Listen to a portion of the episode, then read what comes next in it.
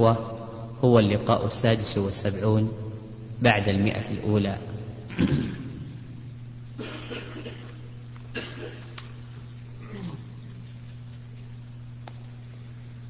الآية.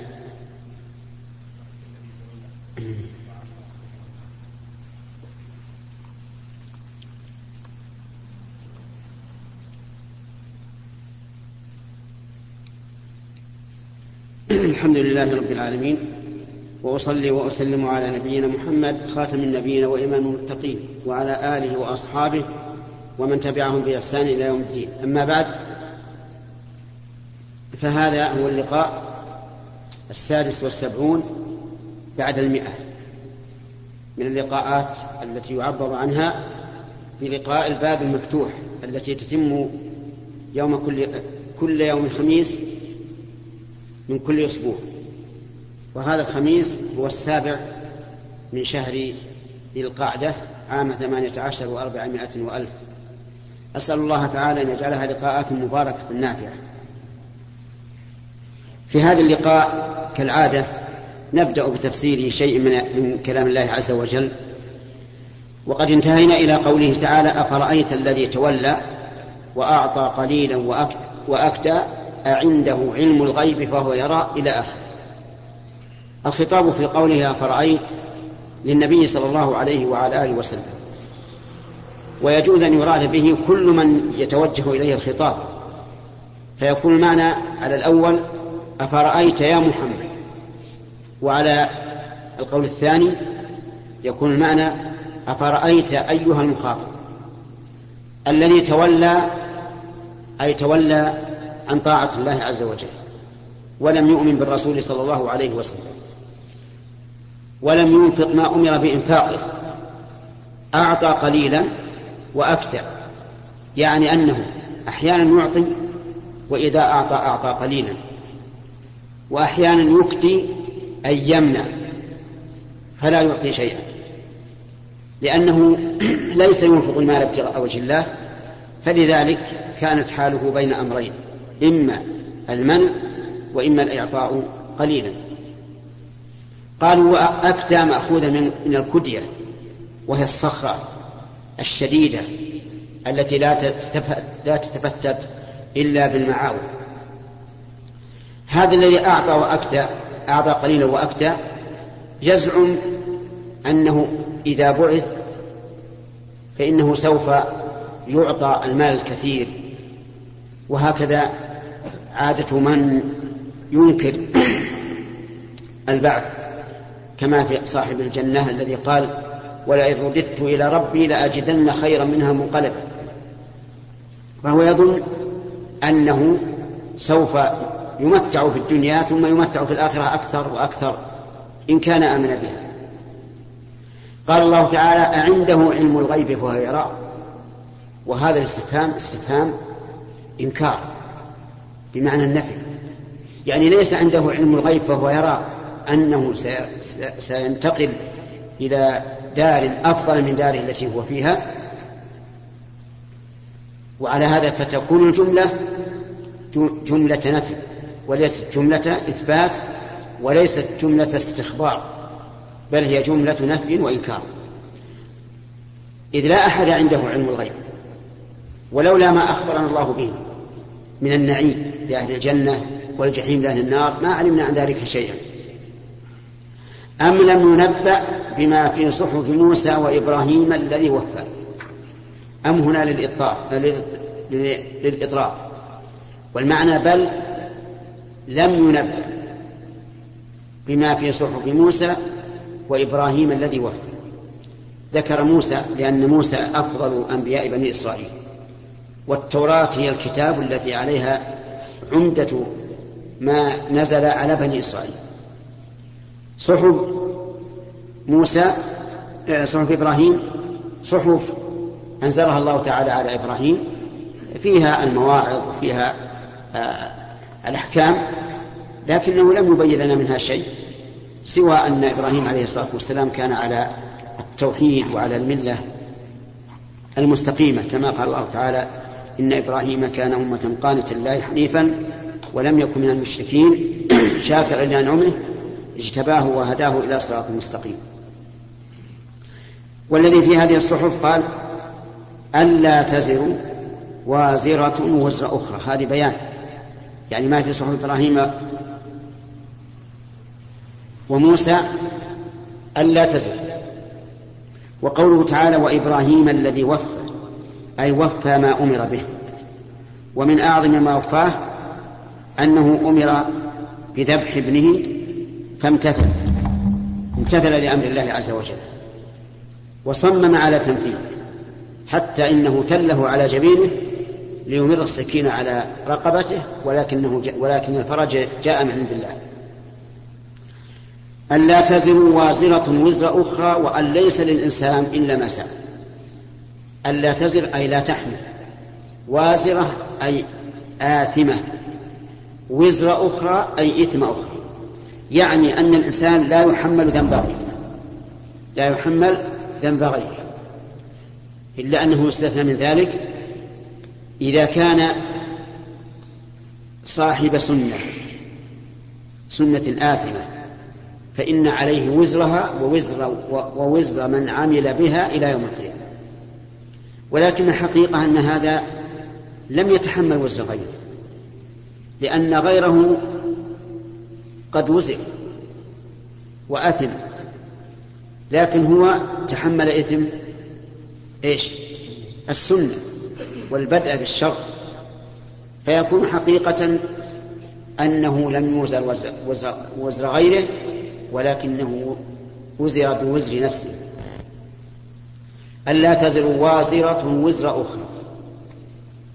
وقد كذب الله تعالى قول الذين كفروا للذين آمنوا اتبعوا سبيلنا ولنحمل خطاياكم فقال الله تعالى وما هم بحاملين من خطاياهم من شيء.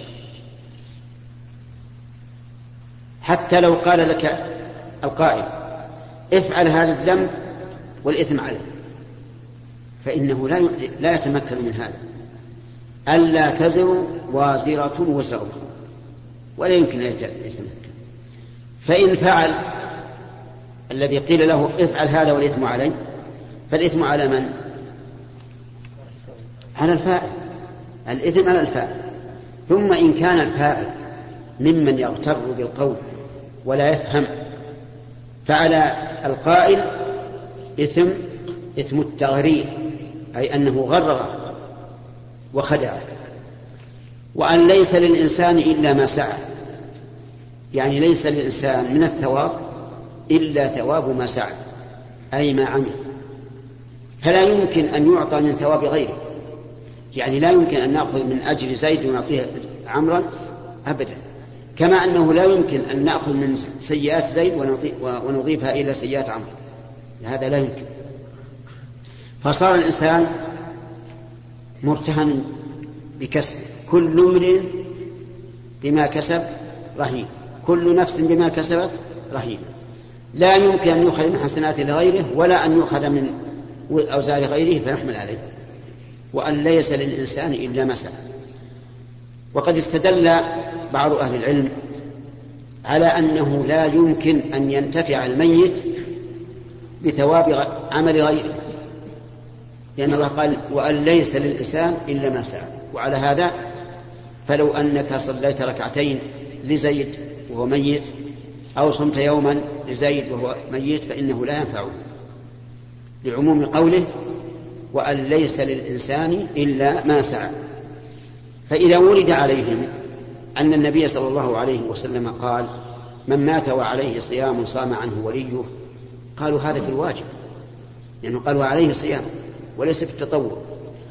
وإذا ولد عليهم أن رجلا قال يا رسول الله إن امرأتي ثلثت نفسها وأظنها لو تصدقت لو تكلمت لتصدقت أفأتصدق عنها؟ قال نعم. قالوا هذا مستثنى بالنص وليس لنا أن, أن نرد النص. والعام يجوز تخصيص أفراده بحكم مخالف. وإذا أولد عليهم قول سعد بن عبادة رضي الله عنه في مخرافه أي في نخله الذي يخرف إنه يريد أن يجعله صدقة لأمه فأجازه النبي صلى الله عليه وعلى آله وسلم. قالوا هذا ورد به به النص. وما ورد به النص فإنه لا يمكن أن يرد لأن الشريعة الإسلامية بل لأن نصوص الشريعة الإسلامية جاءت بتخصيص العام يعني بإخراج بعض أفراد العام فيحكم له بحكم مخالف لحكم العام. وعلى هذا فنقول لا يمكن أن ينتفع الإنسان بعمل غيره حيا كان أو ميتا إلا ما وردت به السنة. ولا شك أن هذا القول له وجهة نظر قوية. لكن الإمام أحمد رحمه الله قال أي قربة فعلها وجعل ثوابها لميت أو حي من المسلمين فإن ذلك ينفعه وقال إن الذي وقع قضايا أعيان. قضايا أعيان بمعنى أن رجل حصلت له حادثة فسأل عنها النبي صلى الله عليه وسلم فأجازها إيش القضية العين؟ إيمان الذي كان الآن. الرجل الذي قال أتصدق عن أمي. وسعد بن عبادة. قال هؤلاء سألوا الرسول عليه الصلاة والسلام فأجاز ذلك.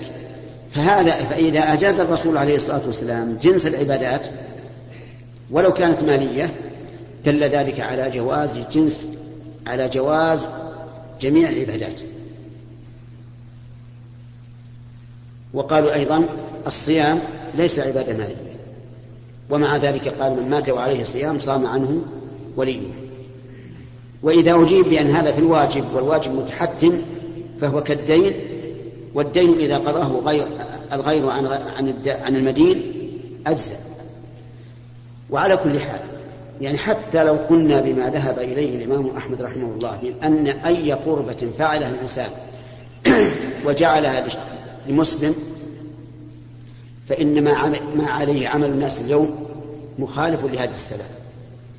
إذ أن الناس اليوم تجدهم يهدون كثيرا من الأعمال الصالحة للأموات. يعتمر للميت دائما. يصوم عنه تطوعا دائما.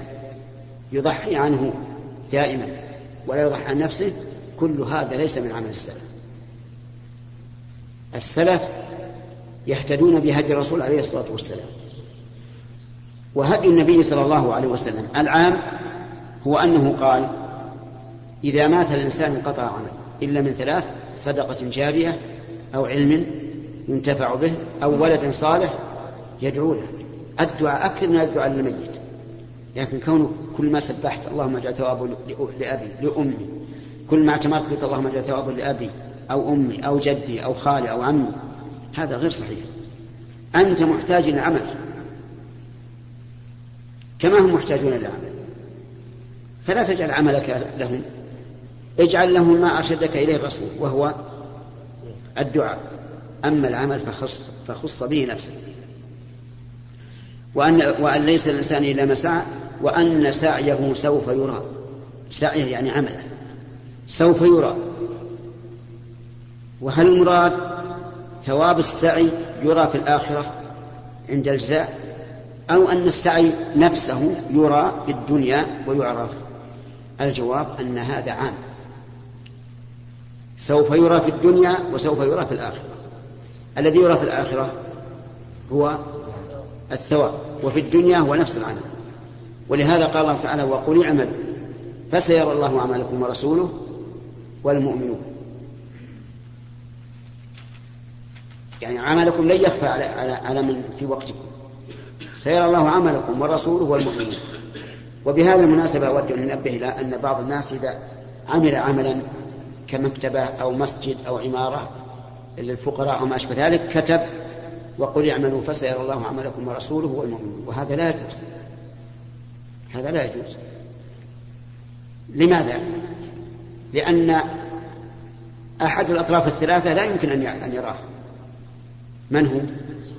الرسول عليه الصلاة والسلام. لا يمكن أن يرى هذا العمل صحيح أن الله يرى عز وجل والمؤمنون في هذا الوقت يرون. لكن الرسول عليه الصلاة والسلام لا يرى. ثم هذا في في المنافقين. وهو وهو تهديد لهم. وليس ثناء عليهم. فعلى كل حال آه، نقول سعي الإنسان سوف يرى. ولكن قد يستر الله تبارك وتعالى على العبد ذنوبه فضلا منه ومنه. وإذا لاقاه في الآخرة خلا به سبحانه وتعالى وقرره بذنوبه وقال قد سترتها عليك في الدنيا وأنا أغفرها لك اليوم.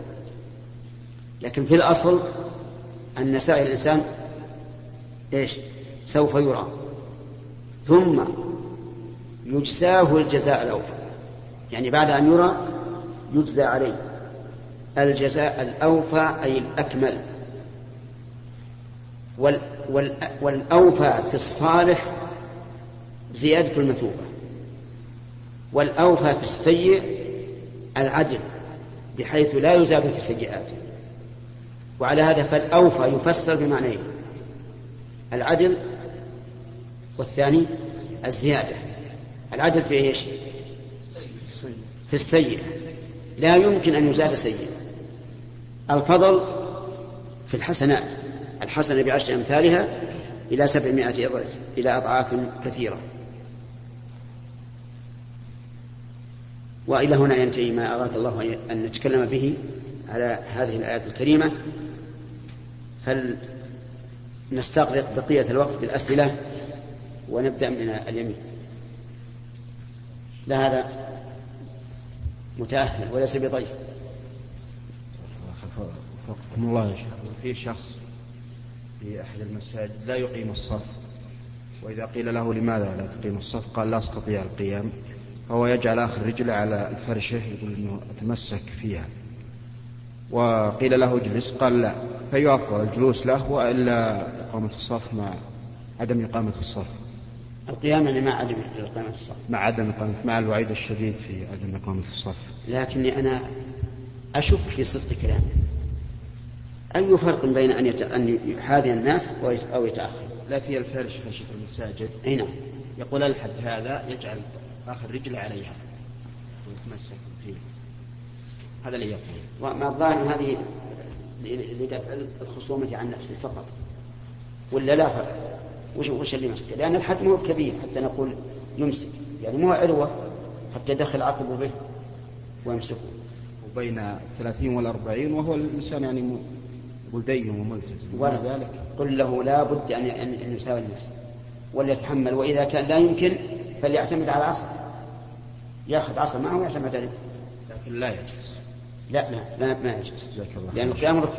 جزاك الله خير. لا يجلس لكن لا يخالف المسلم. أنا لولا أني أتهيب لقلت لا يأتي للمسجد ما دام إنه لا يستطيع إلا مخالفة الصف فلا يأتي للمسجد يعني هذا يخل بالجماعة. قال الرسول عليه الصلاة والسلام تسوية الصف من جماعة الصلاة. معناها أنه إذا أخل واحد من الناس بتسوية الصف كل الجماعة اختلت صلاته فلذلك أكد عليه. قل له أن محمد يقول لابد يجي ولو يعتمد على عصر إذا قال. جزاك الله خير الشيخ نعم. فضيلة الشيخ آه، هناك بعض المدرسين يشرح للطلاب صفة الحج والعمرة ولكن يقول لا يستوعبون استيعابا جيدا. فهل يجوز أن أجعل في المدرسة مثلا مجسم الكعبة والمشاعر حتى يطبقون ذلك تطبيق عملي؟ قل له لا بأس بشرط أن يحرم هو أيضا يلبس ثياب الإحرام. المدرس يلبس ثياب الإحرام وإذا طاف بهذا المجسم يطبع بالطواف ويرمي في الأشواط الثلاثة الأولى ويجعل حوله مقام يقول هذا مقام إبراهيم مش الكلام هذا هذا لا ينبغي إطلاقا. يستطيع أنه يرسم في السبورة مربع صورة كعبة ويقول تطوف عليها كذا أما أن يجعل مجسم. هذا في ظني أنه سيجعل العبادات مجرد طقوس حركات فقط ما لا تأتي بالقلب ففهمت؟ إذا فهمت من كلامي هذا الساخر به فهمت أنه يجوز ولا ما يجوز؟ ما يجوز. الحمد لله. هذا هو. هذا هو المطلوب. نعم. هذا من من ما يقبل التوكيد هات من كتابة العدل أنه موكلك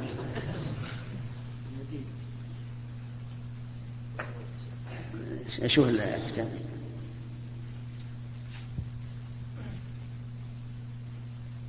شوف التوقيع ما كتب. هو من المدينة. ليس المدينة يا أخي. إيه المدينة هذه ليس خلي لين ينتهوا الضيوف وبعدين إن شاء الله. نعم. فضيلة الشيخ هل يجوز للمعلم أن يقبل هدية من طالبه؟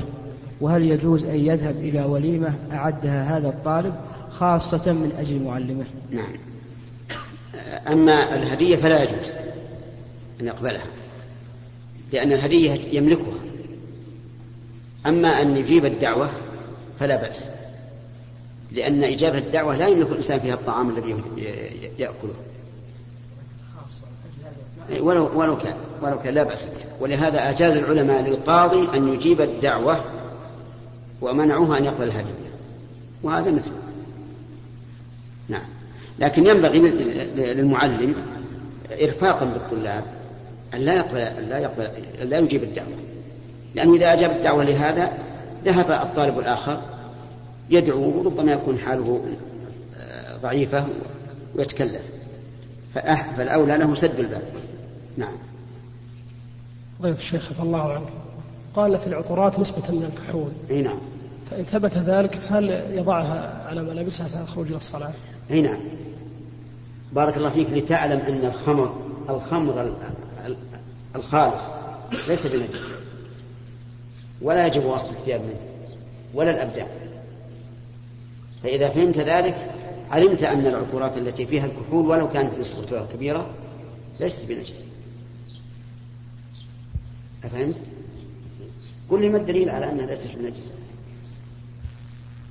نعم لأن المشهور عند الناس الآن أن الخمر نجس نجاسة عينية كالبول والغائط.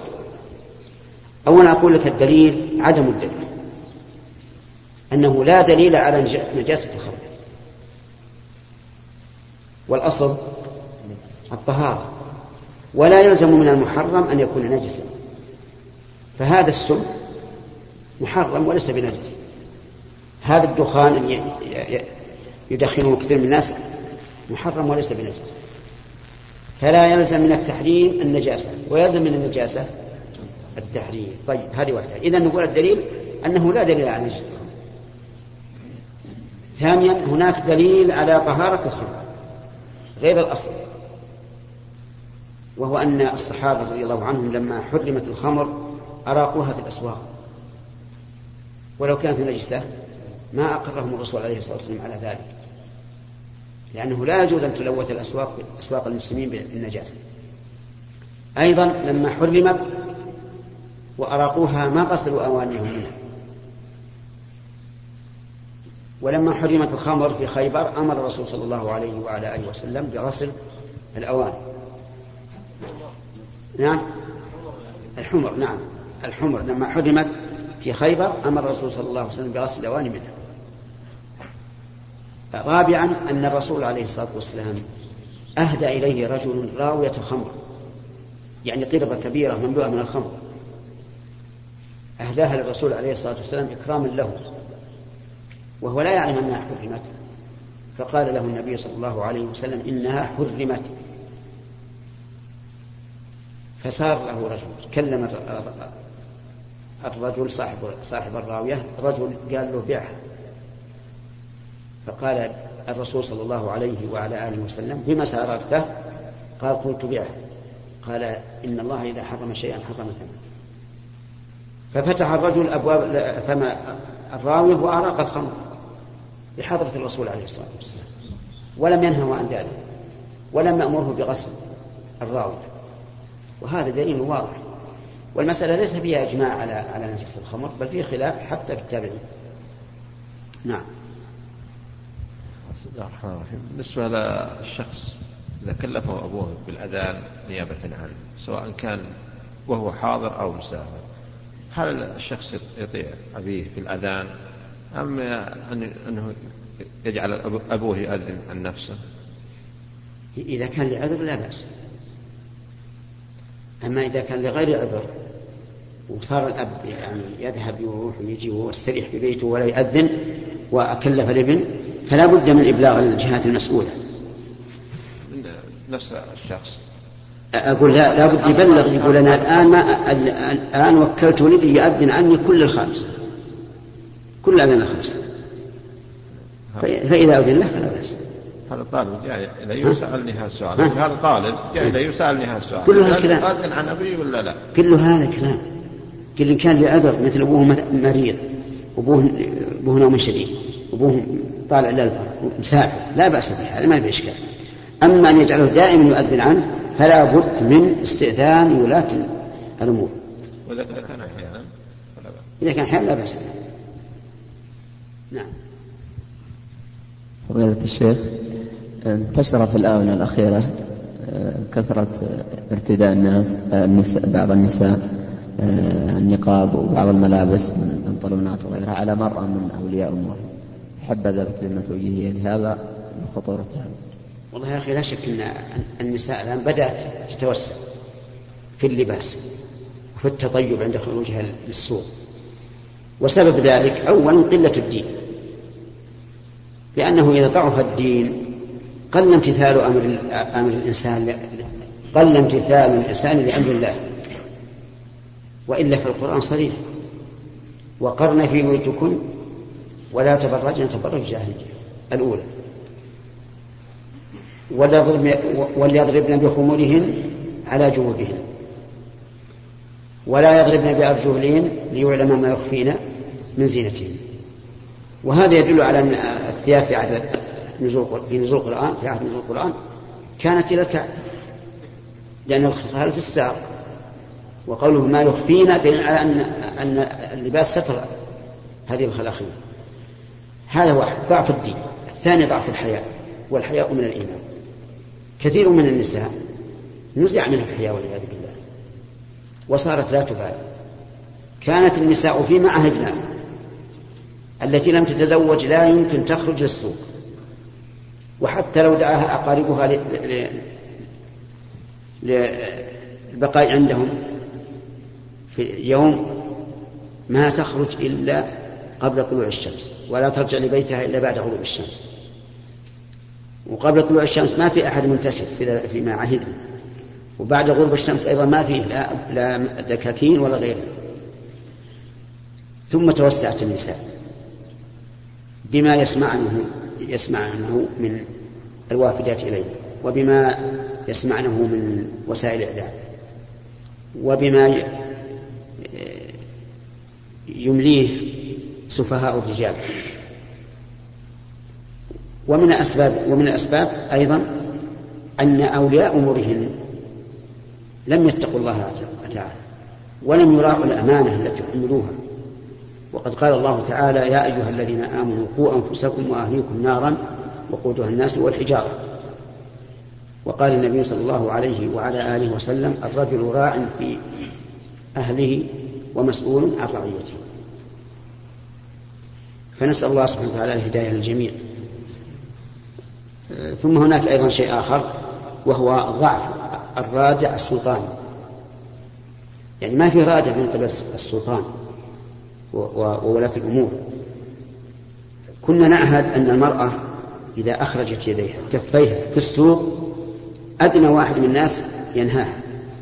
ورجال الحسبة يصل الأمر بهم إلى حد الضرب أما الآن فكما ترى المسألة يا الله تمشي على على برجل واحدة وعلى عصا نسأل الله أن يقوي الآمرين بالمعروف والنهي عن المنكر.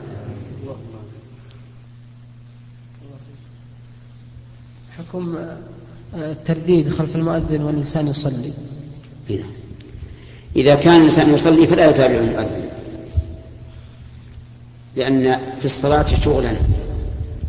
والمصلي ليس تابعا للمؤذن حتى نقول ينصت كما ينصت لقراءة الإمام. لكن إذا كان سبب الذكر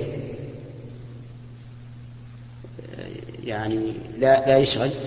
مثل لو عطس فله أن يحمد الله على قول الراجح. ولو أن أصابه الوسواس في الصلاة يعني الهواجيز فإنه يتعوذ بالله من الشيطان الرجيم. من فضلك اقلب الشريط.